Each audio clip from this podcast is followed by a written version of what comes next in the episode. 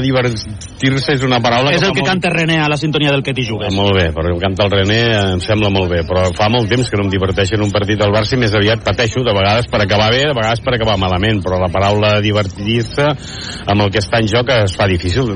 Tant de bo eh, avui sigui el dia. què esperes?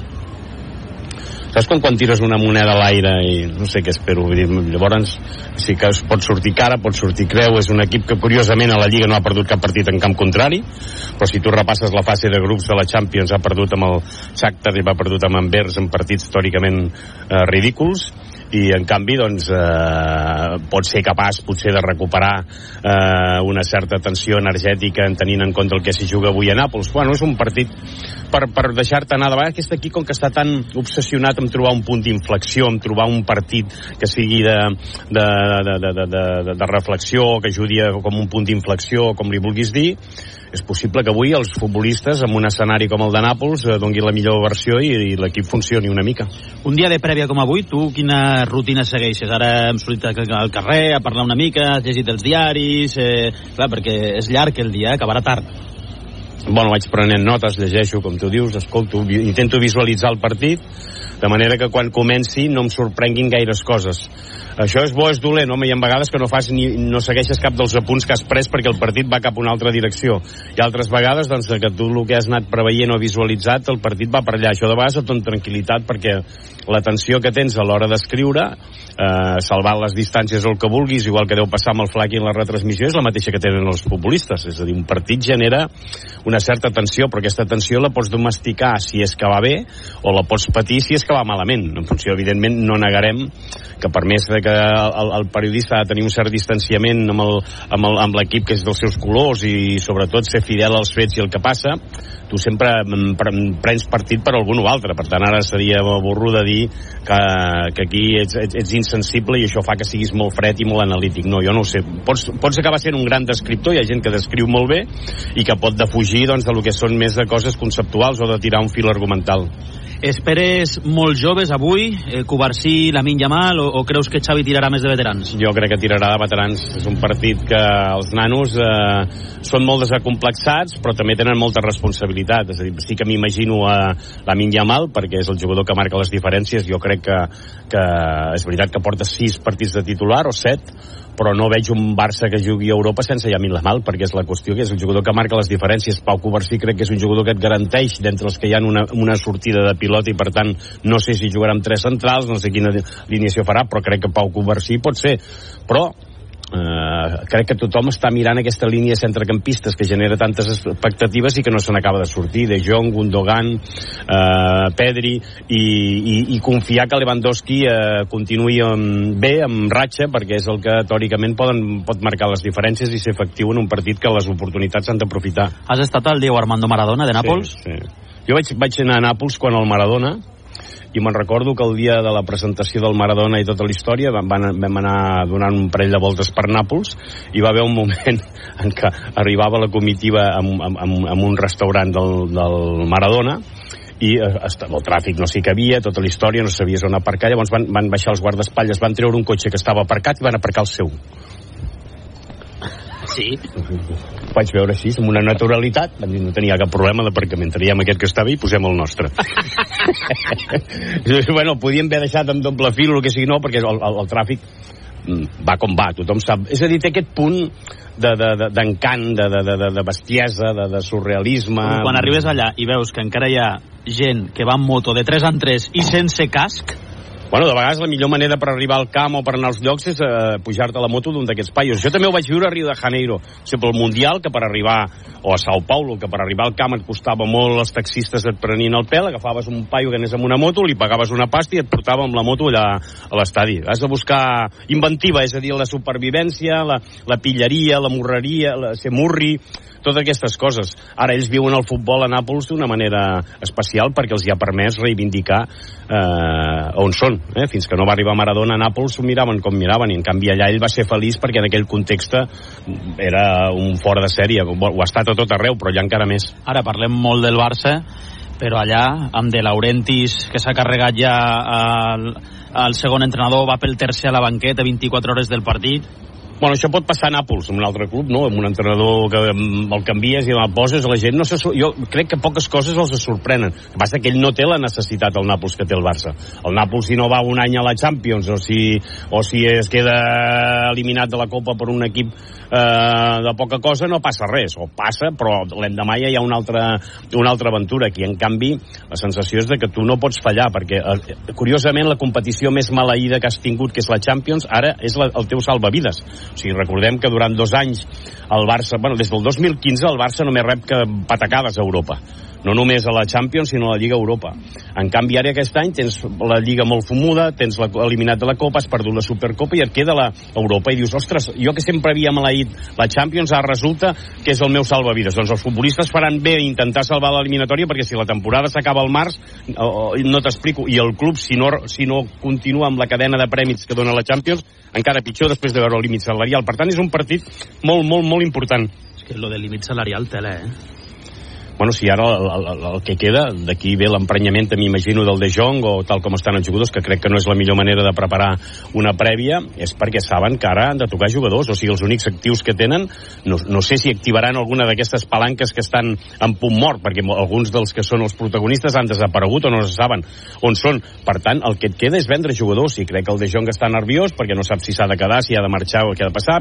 Penso que hi ha algun altre jugador igual, mm, per exemple, Araujo per mi és un futbolista que també no no és el mateix que era abans, perquè deu estar pendent de si, si alguna de les ofertes es materialitza i, i tothom sap que està a l'aparador, qui més qui menys, menys els nens, llevat de que, clar, jo crec que la possibilitat de que tu traspassis un nen del planter de 16 o 18 anys, parlo de la, de, de Lamin Yamal, o parlo de, de, de Pau Coversí, o parlo d'Héctor Ford, o parlo dels que s'estan donant, jo crec que llavors això sí que faria pupa, perquè la gent s'ha acostumat a tenir paciència amb els nanos, com diu el Juan, i a ser exigent amb els, amb els veterans. I sí que em sap el molt... Juan de la Boca, eh? un referent. Juan de la Boca amb sempre, els nanos. Perquè ell ja, ja segueix el futbol des del Fabra.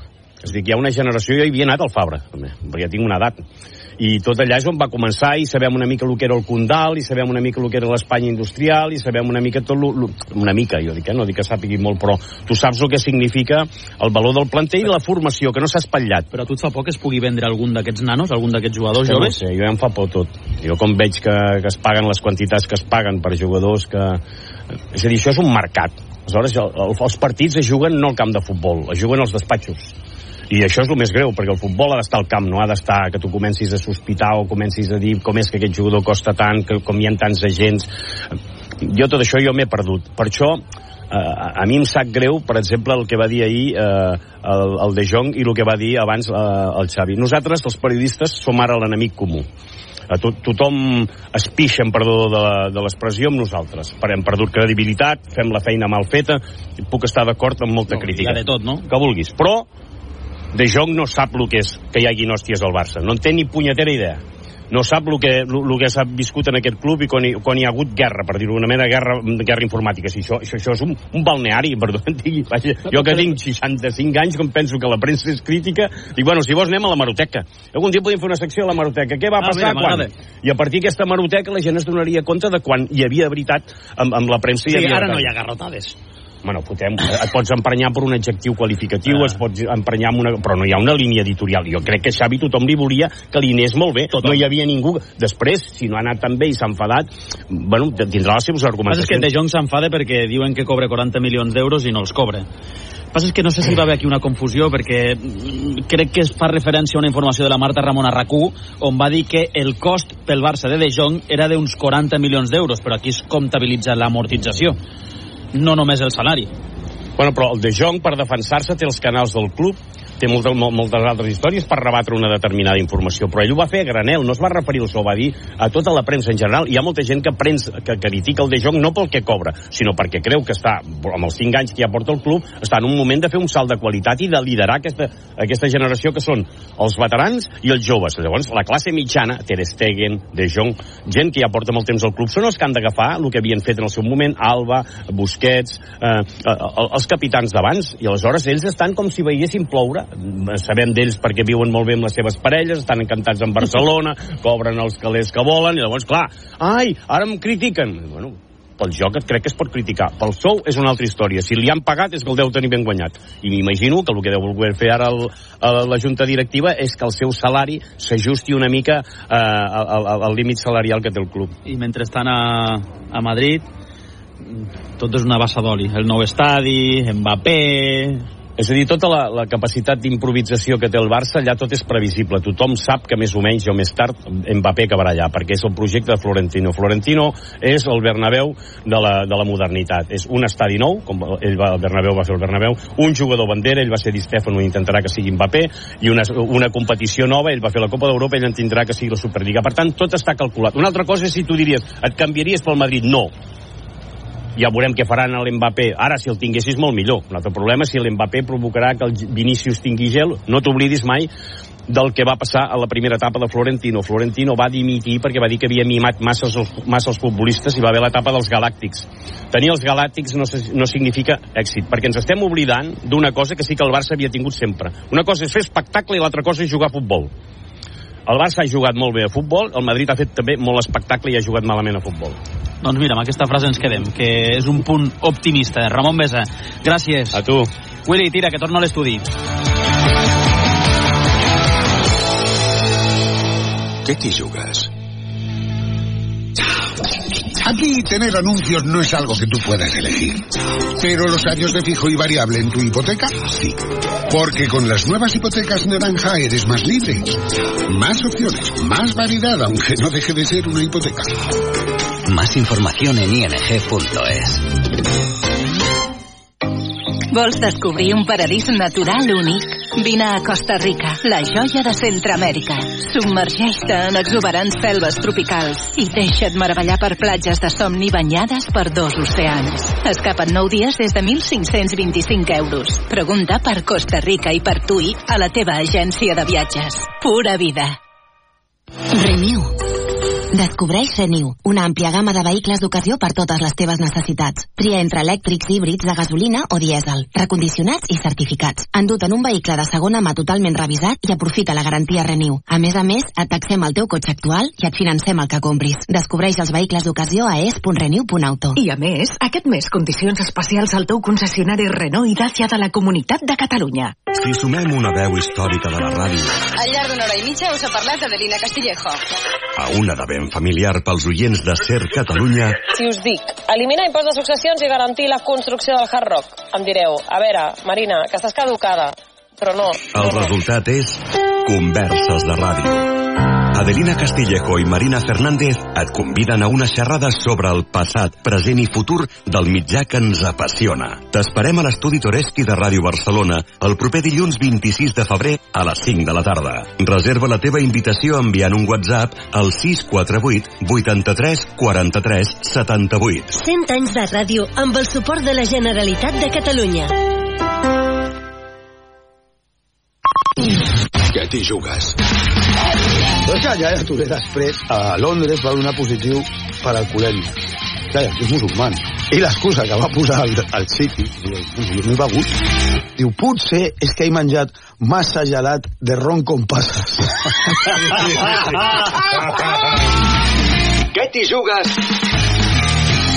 Amb el Sique i el Flaqui. No, el gelat. Gelat de ron amb passes. Jo l'he utilitzat un dia que vaig arribar una mica Ja, passat ja. a casa. Ja estar aquí. Una i 18.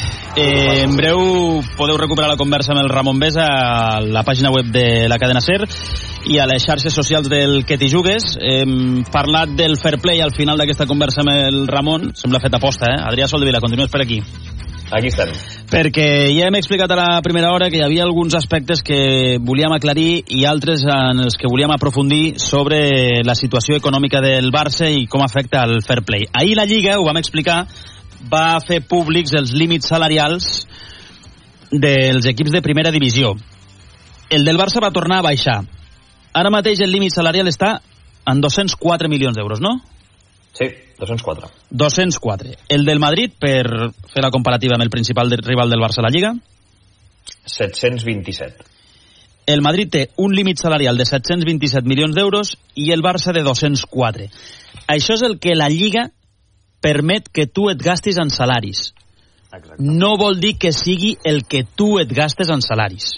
És el límit que el Barça té superat. I com que el té superat, si no canvien les coses, al proper mercat de fitxatges, el de l'estiu, tornarà a operar amb restriccions. És a dir, no podrà competir amb igualtat de condicions que els seus principals rivals, com per exemple el Madrid. Vol dir que no pot fitxar? No. Vol dir que té restriccions per fer-ho, que és més difícil que el Barça pugui fitxar. Però hi ha una dada, i ara anirem amb un expert perquè ens expliqui què pot fer el Barça per revertir aquesta situació, que val la pena requadrar. Fa uns dies la UEFA va fer públic un estudi, la UEFA, eh? organisme oficial, va fer públic un estudi on explicava la situació econòmica dels clubs, els ingressos i les despeses. Pel que fa als ingressos, en aquest estudi la UEFA diu que el Madrid és el club que més ingressa, 841 milions d'euros, i el Barça és el tercer, 815. Pel mig hi ha el Manchester City amb 836 milions d'ingressos. Aquest és el podi. La UEFA, la UEFA sí que no computa les palanques. No computa les palanques. La UEFA diu que el Madrid és el club d'Europa que més ingressa, City segon, Barça tercer, Paris Saint-Germain quart. Per tant, aquí el Barça demostra el seu poder perquè és dels clubs que més ingressa d'Europa. Està al podi. El que crida l'atenció és que a l'apartat de despeses la UEFA diu que la massa salarial dels equips és la següent. I això és el que es gasten, eh? No és un límit com el de la Lliga o el Fair Play, no té res a veure. És el que es gasten, i quadra amb el que ens diuen des del Barça. 505 milions d'euros es gasta el Barça en salaris esportius segons la UEFA. És la xifra que més o menys també ens diuen des del Barça, no, Adrià? Sí, sí, cap a 500 milions d'euros. El que sorprèn és que en aquest mateix informe la UEFA diu que el Madrid es gasta 320 milions d'euros en salaris. Hi ha 185 milions d'euros de diferència entre el que es gasta el Barça i el que es gasta el Madrid.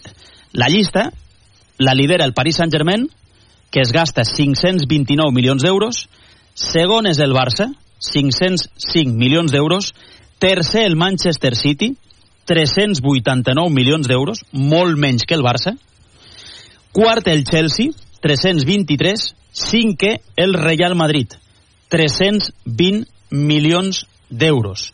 Això és el que es gasten. Llavors, Solde, si el Barça ha fet tant esforç per rebaixar la massa salarial, com és possible que s'estigui gastant molt més que el Madrid o molt més que el Manchester City? Doncs abans hem donat dos noms, ho hem deixat caure i ara ho detallem. Hi ha futbolistes que o esportistes que ja no estan al Barça, que ja no hi són, però que encara computen en aquesta massa salarial i per tant tenen l'impacte a l'hora de calcular el límit salarial de la Lliga. Hi ha jugadors que encara computen perquè hi ha salaris diferits que es van pactar durant les últimes temporades, jugadors que ja no hi són, però que aquest salari diferit encara a dia d'avui s'està computant. Clar, això afecta els números que t'està explicant UEFA i afecta el límit salarial de la Lliga. Absolutament, clar. Quins sí, són? Sí, absolutament. Doncs mira, són quatre jugadors.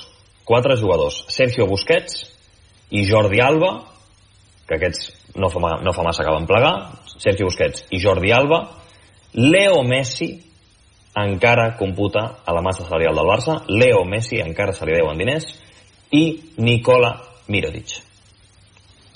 És a dir, aquests quatre jugadors, Sergio Busquets, Jordi Alba, Nicola Mirotic i Leo Messi, encara, diguem-ne, perquè la gent ho entengui, cobren del Barça, per tant, el seu impacte va directe a la massa salarial i afecta els números aquests que us estic explicant de UEFA i als eh, del fair play de la, de la Lliga. Aquests quatre. Sí, això és una part. Una part del que afecta en aquest límit salarial que ha baixat tant, és una part del que afecta, però l'altra part que també afecta, ja ho vam explicar ahir, és l'impagament de la venda de Barça Studios. Això, Això pel també... que respecta al fair play financer, que ha tornat a baixar i ara se situa en els 204 milions d'euros que explicàvem abans. Bàsicament és per l'impagament de la palanca de Barça Studios. Sí, senyor. I hem preguntat, això com s'arregla? Ho hem preguntat al club.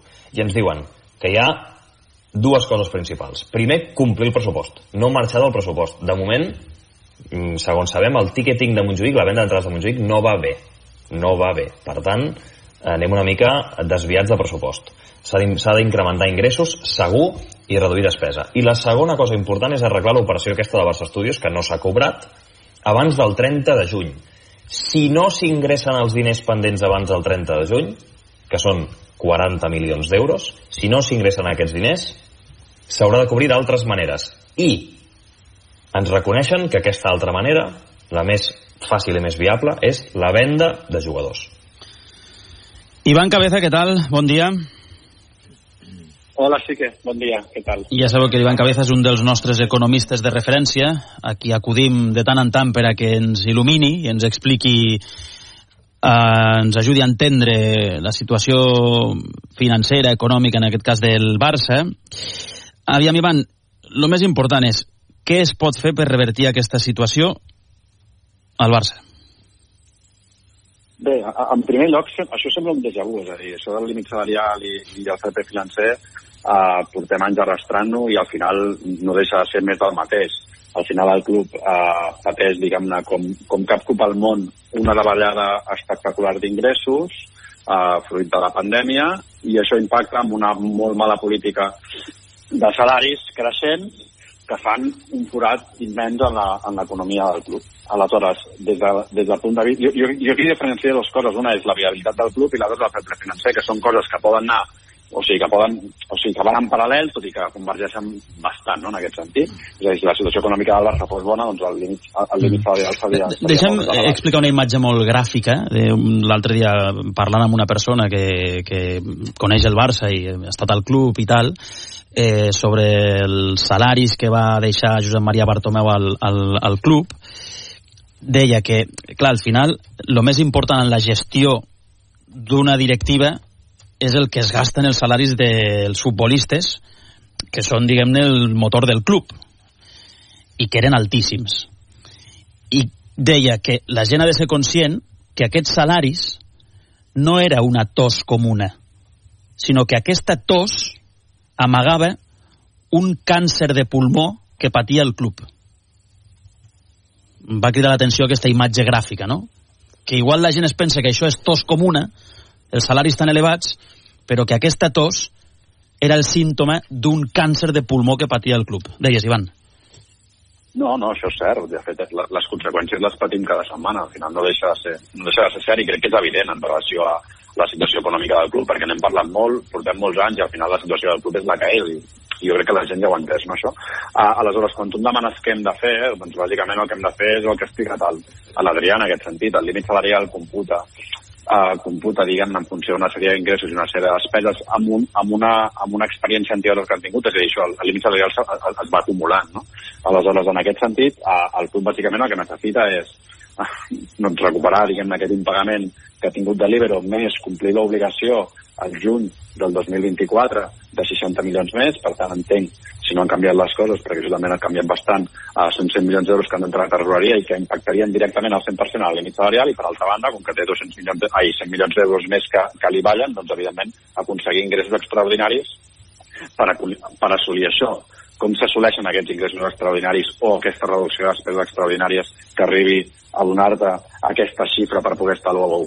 Doncs bàsicament amb venda de jugadors, ingressos de nous patrocinis o uns drets de competició derivats d'una gran participació, per exemple, a la Champions League, que t'arribin doncs, aquest, a, a, aquest import. No? Per tant, el més probable o el més viable és que siguin venda de jugadors, però no jugadors qualsevol, sinó jugadors qualsevol, jugadors que et generin uh, benefici directe. És a dir, si tens jugadors que queden per amortitzar una sèrie de quantitats rellevants, doncs aquests no et generaran més fair play que, per exemple, un jugador de la cantera que té un impacte en l'actiu de zero. És a dir, que per tant, a nivell econòmic compensaria més vendre algú de la cantera que no vendre un fitxatge. Sí.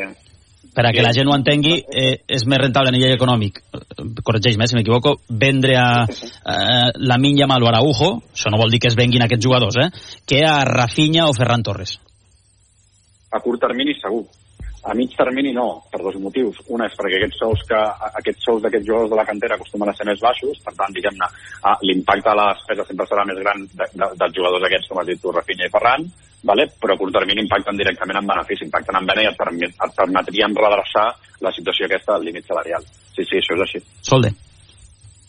Sí, jo, jo volia preguntar-li a l'Ivan eh, què en pensa, perquè abans hem estat parlant eh, eh, fora de micros, també volia saber què pensava ell de tot plegat, i m'ha dit, és que és molt important comparar el límit salarial de la Lliga Espanyola amb els límits salarials de la resta d'Europa i els que marca la UEFA.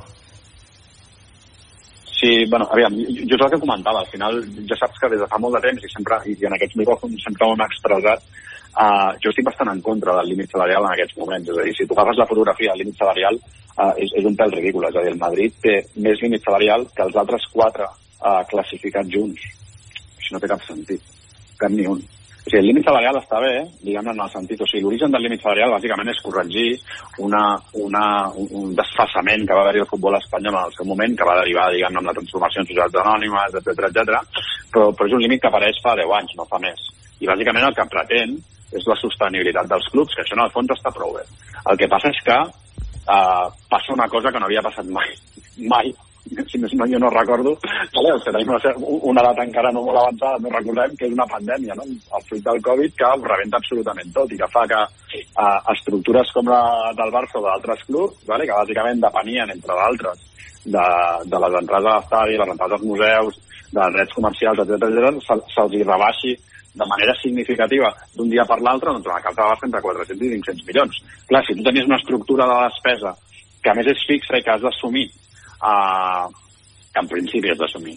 Uh, en relació a aquest tipus d'ingrés, doncs el forat que et fa és tremendo. Si tu intentes que aquesta norma que està feta anteriorment segueixi la mateixa línia amb, després del que ha passat, després del tsunami que ha esdevingut la Covid, no té cap sentit, perquè és impossible que ho compleixis. És a dir, el Barça no té cap sentit, o sigui, no té cap sentit que un que ingressa 800 milions d'euros tingui un límit salarial de 200.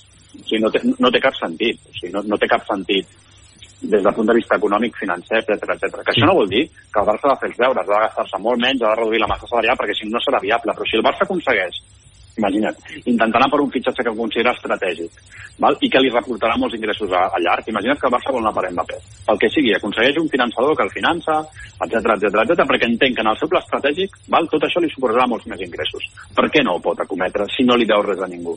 És a dir, el que es tracta, el límit salarial que hauria de ballar és perquè no tinguessis avantatge competitiva respecte als altres. És a dir, si tu serà el, és a dir, que jo no pagui seguretat social i et vingui ficar un jugador o no li pagui a un jugador i et vingui a fitxar un altre i actuï amb normalitat. Això és un avantatge comparatiu respecte a la competència, perquè no estic acometent amb les meves obligacions val? i a sobre me n'aprofito. Però aquest no és el cas. El Barça està al, o sigui, està al corrent absolutament amb tothom. Altra cosa és com tornarem tot això en un futur, això ho veurem. I això dependrà dels socis de la gestió de la Junta, doncs que decidim si això es fa o, o no es fa, o com convertim el, el, el club en un altre model de propietat, etc etc etc. Però això ens correspon a nosaltres, als socis, o al club en aquest cas però el Barça ha fet la feina, el Barça no li deu res a ningú, a vegades es compon aquests termes. No? -huh. I després, més enllà d'això, si ho compares amb els teus competidors a Europa, vale? tenen unes normes molt més flexibles que les teves. Per tant, estàs perjudicant, diguem en el producte top, que és Europa, a la teva pròpia lliga.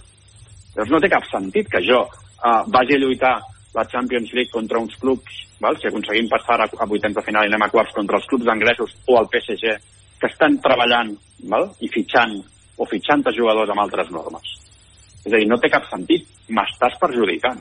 I en aquest sentit jo el que, o sigui, el que vull fer, fer palès, i a més s'ha demostrat, perquè la Lliga està canviant permanentment les normes. Mm. Per què? Perquè és que és impossible, és inviable que un cop com el Barça que ha de tirar del carro tingui un límit salarial del 200 milions d'euros. Que torno a repetir, ho he explicat molt bé, no vol dir que se'ls se gasti. El Barça es gasta molt més i el que no li permet això és, ja. entre cometes, inscriure nous jugadors en, en, en situació de normalitat. Ja, clar. I això limita molt quan vas a un mercat competitiu com és el dels fitxatges perquè no, hi ha final, molts grans clubs a Europa.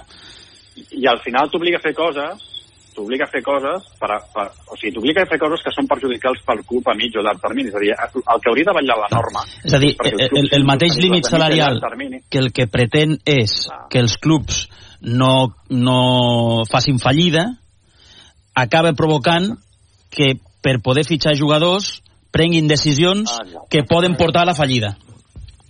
Exacte, és a dir, el Barça s'ha venut una part estratègica del seu negoci simplement per fer un forat a la fair play mm. per poder inscriure jugadors. Quin sentit té que en vengui el 49% d'una branca estratègica com pot ser la part digital per inscriure jugadors? Això a mig termini potser sí que és una bona, una bona manera de solucionar el tema del límit.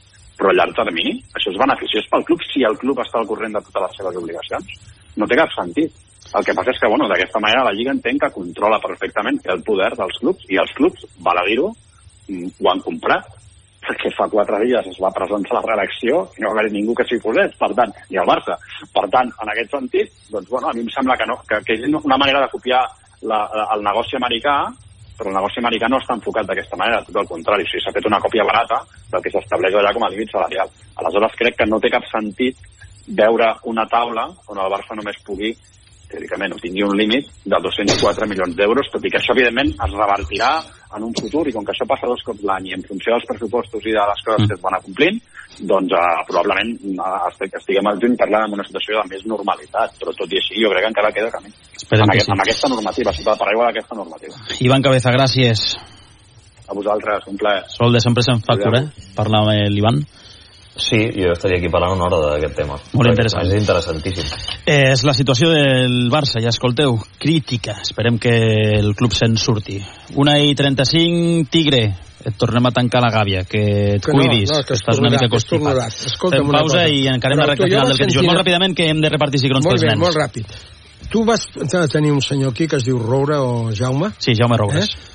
Ell va dir, la solució és aquesta, escolta, si devem més que Alemanya, que agafen un avió i ens deixen caure i allà devem, doncs pues, escolta, liquidem tot, venem el, vi, el 20 o el 25% de les accions i seguim sent els socis. O sigui, tu compres de aquesta tots, idea? Eh? Jo, jo compraria aquesta idea, perquè tots els socis ja som uns puretes, jo no perquè ja no ho soc, el meu pare ho era, però jo no ho soc. Però tots els socis ja, d'aquí 5 o 6 anys, baixarà la massa, la massa terrible. Perquè hi ha molts socis grans. Claro, bueno, llavors- també és- Quatre noms, dels quatre noms, tres juguen aquesta matinada amb l'Inter de Miami, que torna a la Major League Soccer. Això, estem pagant... Gràcies, Tigre. Gràcies, Cristóbal.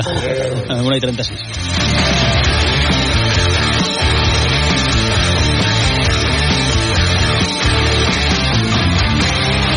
Què t'hi jugues?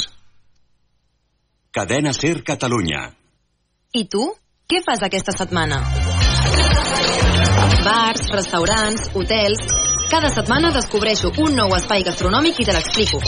Preus, receptes estrella, la seva història, anècdotes, famosos que hi han passat...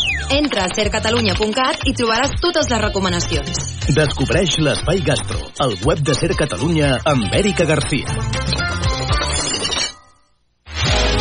Cada hora, cada programa, cada minut, cada paraula de Ser Catalunya a un clic de tu. Torna a escoltar. Torna a escoltar. O descobreix contingut exclusiu al web de Ser Catalunya. sercatalunya.cat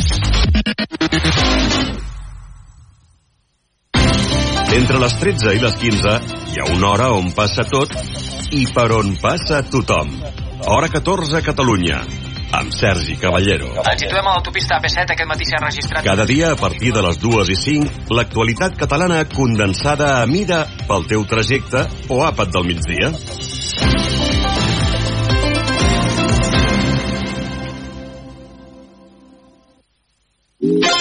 No saps tot el que passa fins que no segueixes Ser Catalunya.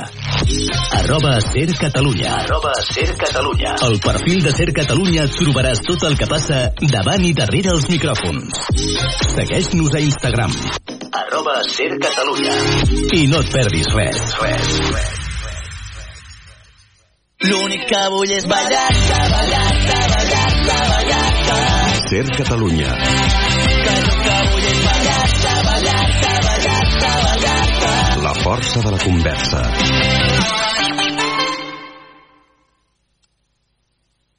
Què, què, què t'hi jugues? Buen día, Marina Garrido, en directo para el que jugas de Ser Cataluña. Bien, Marina. para Mapi, quería preguntarte cómo ves el vestuario, la motivación, las ganas para conseguir esta tercera Champions. Hola. Em, el equipo siempre tiene muchas ganas, o sea, pero muchas ganas y mucha hambre de, de competir y de ganar. Decir algo, pero lo he olvidado. Què t'hi jugues amb Quique Rodríguez i Lluís Flaquer? Continua o no? Ah, ja s'ha acabat la resposta. Ja he oblidat què vol que faci. Una i 39, recte Va, final del que t'hi va, jugues. Anem a fer reforma, anem, a, Va. anem a, a solucionar el món. I ho fem sempre de la mà dels millors, que ja ho sabeu, són els companys de MCAT Group, que tenen per tu i els seus projectes els millors materials per a la construcció, decoració, reforma, disseny de la llar i jardineria, sense oblidar-nos de que disposen de tot en eines i ferreteria. Primeres marques, millors preus, confiança i garantia de treballar amb marques líders. Més de 35 punts de venda al teu servei. Troba el més proper a mcat.cat. mcat.cat. Ana Palet, bon dia. Què tal? Sí que bon dia. Montse Tomé, seleccionadora d'Espanya, a Televisió Espanyola ha dit que igual Alexia Putella juga alguns minuts amb la selecció. Doncs sí, tornant a saltar les alarmes amb Alexia i aquesta possibilitat que acabi jugant divendres. Montse Tomé en cap moment l'ha descartat, però ahir, com deies, en aquesta entrevista que va donar a Televisió Espanyola, encara deixa la porta més oberta, afirmant que hi ha previsió que Alexia pugui ser al camp divendres a la semifinal. una intención clara por ambas partes, tanto yo como ella, de que, de que esté aquí y, y de que no haya ningún problema. Dirección Deportiva ha hablado con, con el club. Lo que hemos valorado con Alexia en su proceso de recuperación es que eh, desde servicios médicos podía participar eh, hay una previsión de que pueda estar dentro del campo. Esa es la primera valoración para, para pensar que Alexia pues, puede estar con nosotros. Pel que hem pogut saber, la intenció amb Alexia continua sent la de no córrer riscos, per tant, no jugarà divendres contra Països Baixos. Evidentment, això xoca amb el que acabem d'escoltar, però pel que ens diuen les paraules de Tomé responen més a una estratègia de no donar informació al rival que no a una voluntat real que, que, que Alexia acabi tenint.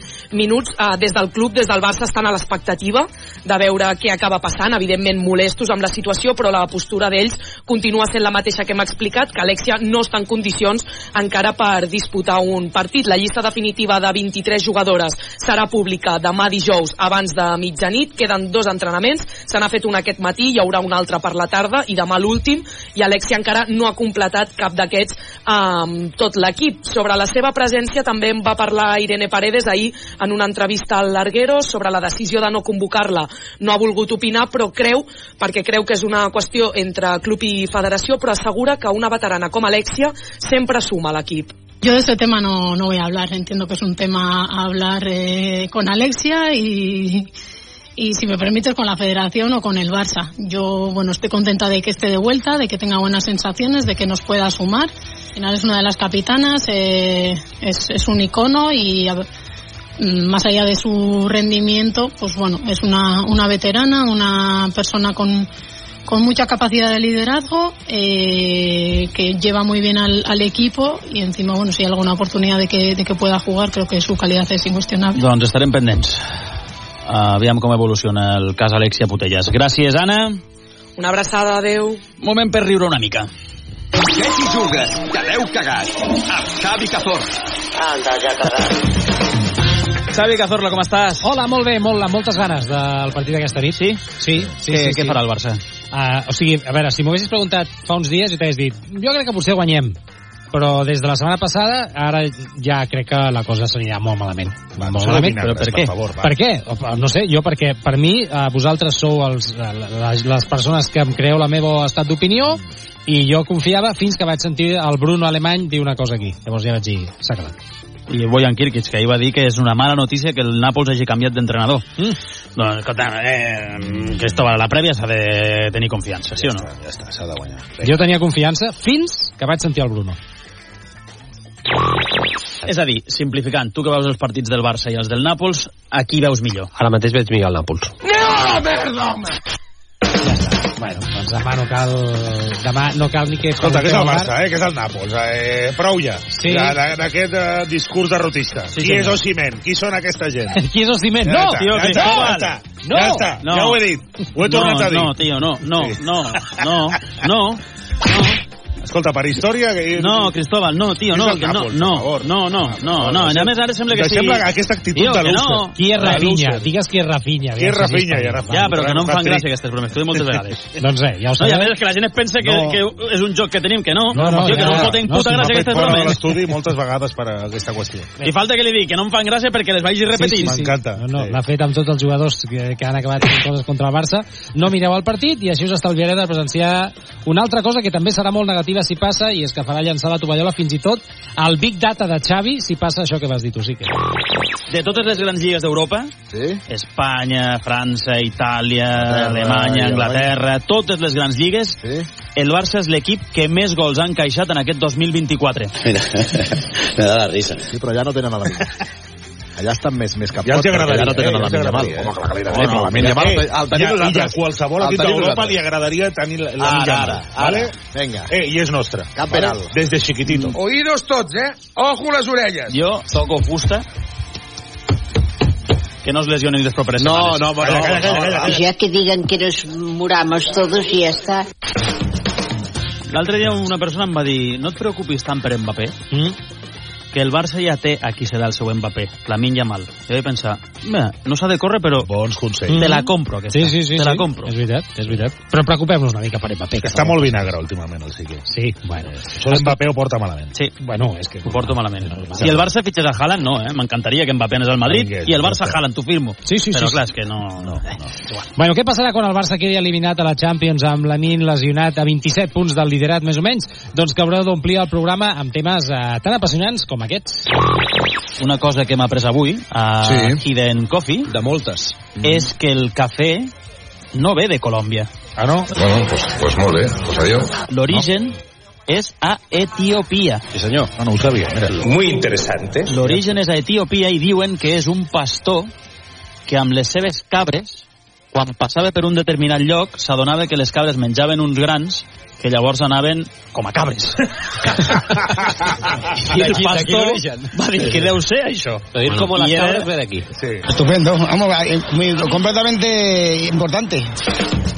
No, la coses que s'aprenen, eh? Escoltant el que t'hi jugues. Soc molt fan d'aquestes anècdotes. Sí, sí, sí, no. Que no tenen res a veure amb els esports, però... Però res, eh? Aprens alguna cosa nova. Però res. No, però encara va donar per més al tema i, de fet, una cosa útil que has d'aprendre eh, és això que sentirem ara i que a partir d'ara potser servirà d'excusa a molta gent que li va una mica el tema anar al límit de festa. Els oients podran veure aquesta tarda al nostre Instagram, arroba que t'hi jugues, com l'equip d'esports hem viscut aquesta No casa. sé si cal, eh? No és gaire agradable veure com la gent fa una cata de cafè perquè el cafè es tasta d'una forma que l'has de veure... avui a veure el programa. Sabíeu que per catar el cafè s'ha de veure i fer... Rebut policia local, anem cap allà. Ah, que no? No. Això dic que... Sí, però és que tu Has de, tranquil. fer, has de veure i fer... No us heu de drogar. Perquè si ho faig a la redacció no Així digueu que, que sóc un detectes maleducat. millor els aromes i, I el gust. al bon cafè no se li posa sucre.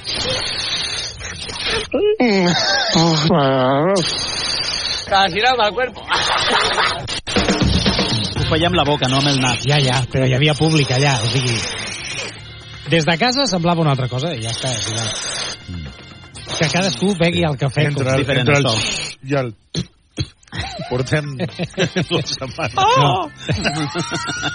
Jo estic sense paraules, sobretot perquè porteu unes setmanes guapes, però el sí que porta uns dies explicant-nos historietes super interessants. T'has fixat que la Torre Eiffel és una A d'amor o del nom del primer amor de Gustav Eiffel, que és qui la va construir. Mira que maco. No ho sabia, això. Sí, es deia... Ara no me'n recordo. Oh, claro, claro. Si Ariadna o... Com, com la toques, mira, és una cosa nova. En vols una altra? T'has fixat que a la plaça Lesseps hi ha un vaixell? Me la suda. I què, què representa? T'has fixat o no que és un vaixell la plaça Lesseps? Hi ha la proa, hi ha la popa, hi ha el màstil... A nosotros un poco nos, nos resbala, pero, pero bueno. M'hi les- fixaré més quan, quan passi. perquè Ferdinand Lesseps és la persona que va eh, crear el canal de Suez Me importa tres narices. i és un homenatge a Ferdinand Lesseps Curiós, molt bé. que va tenir molts problemes I fins quan ha de durar la broma? perquè també va voler impulsar el canal de Panamà, que és un dels casos de corrupció a nivell mundial, que va esquitxar a molta gent coneguda, entre ells Lesseps i Gustav Eiffel. És una interessant tonteria, no? Interessant tonteria. És el resum Però perfecte. interessant. M'agrada el concepte. Bueno, quan vas deixar d'explicar-nos coses interessantíssimes, doncs veu parlar una mica de temes d'actualitat, com això del passaport d'aquest jugador del Madrid de bàsquet, no? Veu trucar l'advocat, el Jordi Pina, Mm? i suposo que com no estava parlant de la Torre Eiffel ni de Que t'hi cafè... jugues és l'únic lloc on ha sonat Jordi Pina de tota la cadena Ah, sí? No, Helena? Crec que només ha sonat el que t'hi sí, veus? Doncs està bé.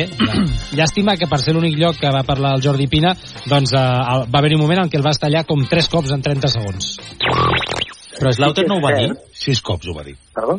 Slaughter no ho va dir? Que, que el Madrid ho coneixia? Qué excelente pregunta.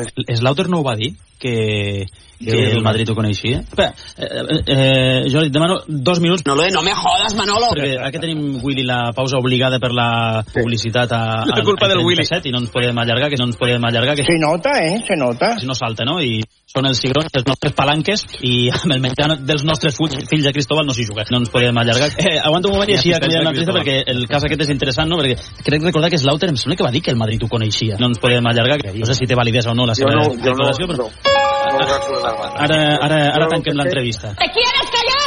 Aguanta un moment, sisplau, eh, Jordi, un moment. Eh, dos minuts. Ten un poco de respeto que estamos hablando. Respeta a la gente y cállate ya, anda. Has fet un muntatge. No, no, tu el vas tallar tres cops, uh, perquè clar, anaves fent com preguntes per fer el ganxo i l'altre volia respondre com sí, sí, no, no, no, que no em contestis, que després, que després. bueno, és igual. Una manera de tallar el Jordi Pina o a qualsevol persona és fer un Adrià Soldevila. Això és fer un soroll subtil però que sigui prou molest de fons. a zona de finalització. A- a- Després te pot, pot fallar o te pot faltar Repetim la jugada per si hi ha alguna possibilitat de reclamació. pot fallar o te pot faltar faltar la...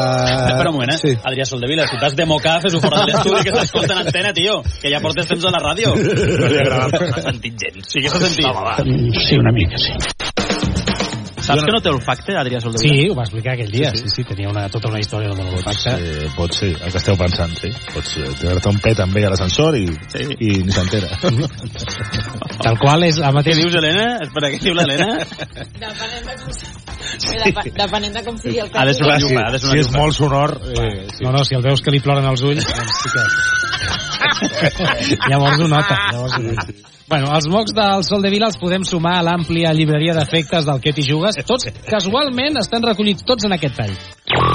I amb això li porta el periodista a fer la interpretació que Deco està parlant d'un canvi de model. Mm. Mm. Què faria el Jordi? Mec. O...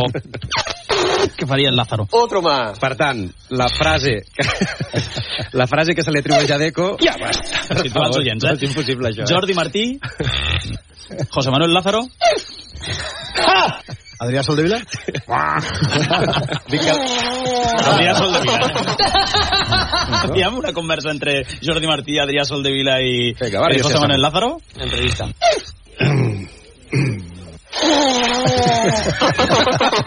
Bueno, pero, pero ¿esto qué es? ¿Pero esto qué es? Helena, què fa lo Martín trucant?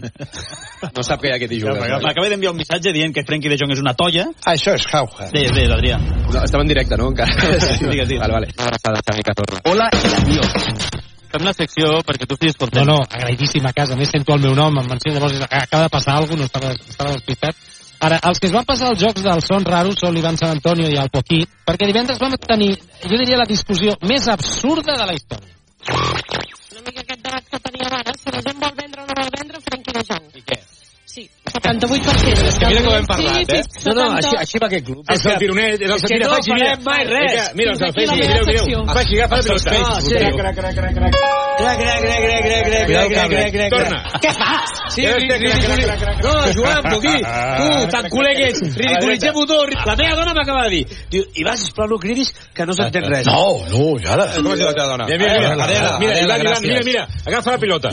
La pot passar... Gri, dins del- gri, però no gri, ho fa. Gri, gri, va, va, va, va, va, va. Això què és? Qui, qui, qui, qui, qui, qui, qui. Ridiculitzem-ho tot. I li acaba I de de la- donar I de pistó. l'Araujo, que també el Mira, vol torna prendre, cap allà, què? cloc, cloc, De l'Araujo, que també el vol prendre, què? Què podem dir per criticar-lo? Pum, pum, pum, pum, pum, pum, pum, pum, pum, pum. Benvinguts a Barrio Sésamo. Es la hora de la... Sí, Frenkie de Jong seria cric, cric, cric, cric, i Araujo pop, pop, pop, pop, pop. I ja està. I cadascú que ho entengui. Estem creant un llenguatge paral·lel. Sí, sí, sí, sí, totalment. Això la intel·ligència artificial no t'ho fa, és evident. Anem ara al Lu Martín, perquè dijous el Flaqui fa allò que s'emporta gent a esmorzar i a prendre coses, i el Flaqui va haver de patir pel Lu i la seva relació amb el micròfon. Això va començar molt amunt, sí. que venia És Sique banal. Rodríguez intente ser fent. Que també s'ha esborrat. Que també s'ha esborrat. Fran? Sí, sí, sí. I qui queda? Tu. Sí, el que, Algú el, ha de el fer-ho. que passava per allà. Hola, Lu Martín. Hola, hombre, l'altre. forats. Quan va ser això sembla? No oigo nada. Quan va ser això sembla? Sí, sí, el micròfon cap a la, la boca, Lu, si no, no se t'escolta No te'l posis del cul. Hòstia, eh, és que això molaria. Digue'm agosarat, però dedueixo que no us acabeu de creure el desmentit, no? Home, el desmentit, mal, que perquè ha sortit publicat. Perquè l'ha dit ell. Eu tu, eu tu el reclus. Eu tu reclus. M'agradaria que el meu quantum no fes olor a callos i Com que no fes coquitoto. olor, callos? És un... ¡Ah! ¡Qué peste! M'agradaria que el meu quantum no fes olor a callos. Doncs fa molt la pinta que el Lu li va fer cas al flac i va deixar els callos, perquè 5 minuts després, des de casa, vam poder notar... I és que pràcticament et diria que olorar els callos de Lu. Sé com varia l'entrevista aquesta, que no tenia diners per oferir a ningú, no? Bueno, però per això has de vendre, per intentar sortir. I a quin vas a vender? Però ja va... Doncs no sé, tu, tu vendries a Frankie de Jong. Jo, Bendy de John, vamos, la. No, regalar-lo no, perquè no estem per regalar res. T'estalvies molta pata. Alto ahí, alto ahí un moment. T'estalvies molta pata. T'estalvies molta pata. Oh. ¡Traga! ¡Traga! ¡Traga! Però, però falta amortitzar-lo. És que aquest tio... Ah, no parlis amb boca plena. Coño, madre mía, qué forma de tragar. Crec que es notava una mica que el Lu estava... Menjant. Sí, bastant, bastant poc. Qui segurament no es va enterar de res, ni d'això del Lu, ni de tota la secció que estic fent avui és el Cristóbal. Sempre. Perquè una, més, una vegada més, Cristóbal ha passat que ha sordejat. Soc una paret. Sí. No puc evitar. Intendiente Chaseng. En algun moment havia de passar, el Barça per primera vegada no guanya l'estadi Johan Cruyff des de la seva creació l'any 2019. Això és una equivocació. 1019. 1019. 1019. Bueno, Quedi clar. O sigui, el Barça no havia perdut des de la inauguració. M'explicava l'Helena de Diego, m'explicava l'Helena de Diego des del dia de la inauguració del Johan. La madre que me parió. Sí, és el que acaba de dir l'Anna Paredes, que parece que s'ha equivocat de data, eh? És que és tremendo, eh? Bueno, estamos sordos, familia. És que hi ha, hi ha És molt dades... típic del Cristóbal. No, però hi ha dades que són tan espectaculars que s'han d'anar repetint en bucle. Sí, sí, m'ho explicava l'Helena de Diego, com dient, us ho avança en exclusiva, Helena de Diego. I ja s'acaba de sentir. Però és que no havia passat ni un segon. Eh, eh, eh. Però és espectacular, no? Sí, sí, sí. Des del dia que es va inaugurar no han perdut cap partit. És tremendo. És que reculls el tall explicant el tall. Sí, o sigui, Soc com així. una cosa... És... Soc així de limitat, ja em coneixeu. Sí, sí, sí. No dono per més. No, no, està bé. Tinc està les bé. neurones justes per arribar al final del dia. No em demaneu més. Bueno, jo vaig acabant, però abans voldria cedir uns segons d'antena al Marcos López perquè sé que sempre li agrada tenir l'oportunitat de fer aportacions que sumen. Y de momento, lo verdaderamente grande que ha hecho es llegar a una final perdida en tiempos de pandemia en Lisboa con Tuchel en el banquillo 0-1 ante el Bayern de Flick. ¿Algún guiño en clave Barça? No ho sé, carinyo, no ho sé. La via alemanya, Jürgen Bueno. Klopp seria un somni, Hansi Flick i Thomas Tuchel. Tres entrenadors que la Porta ha pronunciat en els últims dies que li agradaria que estiguessin a la banqueta del Barça la propera temporada, Marcos. Pues ahí está. Que vaya bien, traemos en el periódico. Vaya a ser que digas algo más, ¿eh? Algo que no toca. Mi trabajo consistirá a partir de ahora en no decir ni mu. És una molt bona manera de recollir. Pues ahí està, sí, sí, endavant. Vinga. Ahí està. I acabo ara sí amb un... De fet, podria ser una secció que és la frase feta del Cristóbal amb una dita popular, no? Dels creadors del Blanco i en botella leche sí. arriba això. Falta de respecte i d'una falta d'imparcialitat gegant. Però, però que, no, que no és una opinió d'aquests periodistes, que és un encàrrec que ve d'aquí, perquè, home, dos programes diferents amb la mateixa línia editorial, home, doncs és evident, Tinto i Botella, que aquí hi ha un senyor... Tinto i que Tinto i en botella és boníssim, eh? Tinto i en botella. Ah, Tinto i en botella, vino, està clar. Que l'ha tret el subconscient al Cristóbal, perquè és blanco i en botella leche. Però tu penses en tinto i en botella vino. Deja de beber, que, que, que te está sentando mal. Eh, però tota la vida. No, no, és que Tinto a mi m'agrada botella. més la teva. Tinto i en botella, vino. Home, Sí, claríssimament, home. La Sí, llet sí. és indigesta a la nit, però Crec, el vino no. crec A que la hauríem llet d'intentar que es canvi la dita popular. A mi em sembla bé. Sí, sí, sí. sí. Tinto i en botella, Vino. tota la vida. Doncs ja ho tindríem, no? Sí, a veure aquesta nit. Anem va. tancant, Helena, Willy? Sí? Aviam Aquesta nit a les 9, eh? Sí, sí. Nàpols-Barça, ja sabeu que el podeu escoltar en castellà el Carrusel, amb la narració del Flaqui, en català el Moguts, amb la del Teje, des d'Itàlia, des del Diego Armando Maradona, a Nàpols. Prepari a l'Ociment. Aviam si demà podem estar contents. A les 11 obrirem el bar i a les 12 el que t'hi jugues. Gràcies per escoltar-nos. Adeu. Adéu. Adéu. Què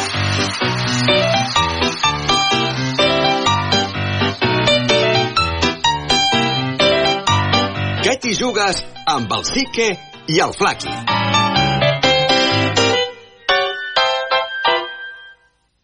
Viu dels vuitens de final de la Champions a Moguts pel Barça. Dimecres a partir de les 8, suma't al Nàpols-Barça amb Joan Tejedor i l'equip del Moguts. Viu la màgia de l'esport en directe. Moguts pel Barça. Ser Catalunya.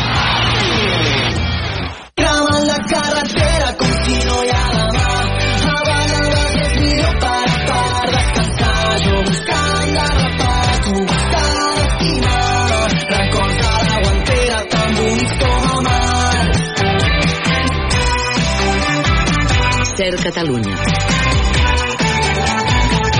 100 anys de ràdio.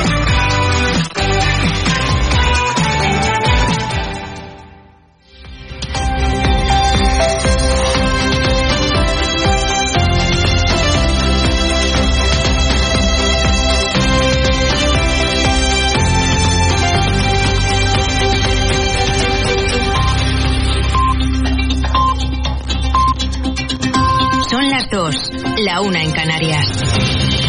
Hora 14. El láser. Lo que pasa, lo que importa. Con Javier Casal. ¿Qué tal? Buenas tardes. Los agricultores recorren Madrid y plantan sus tractores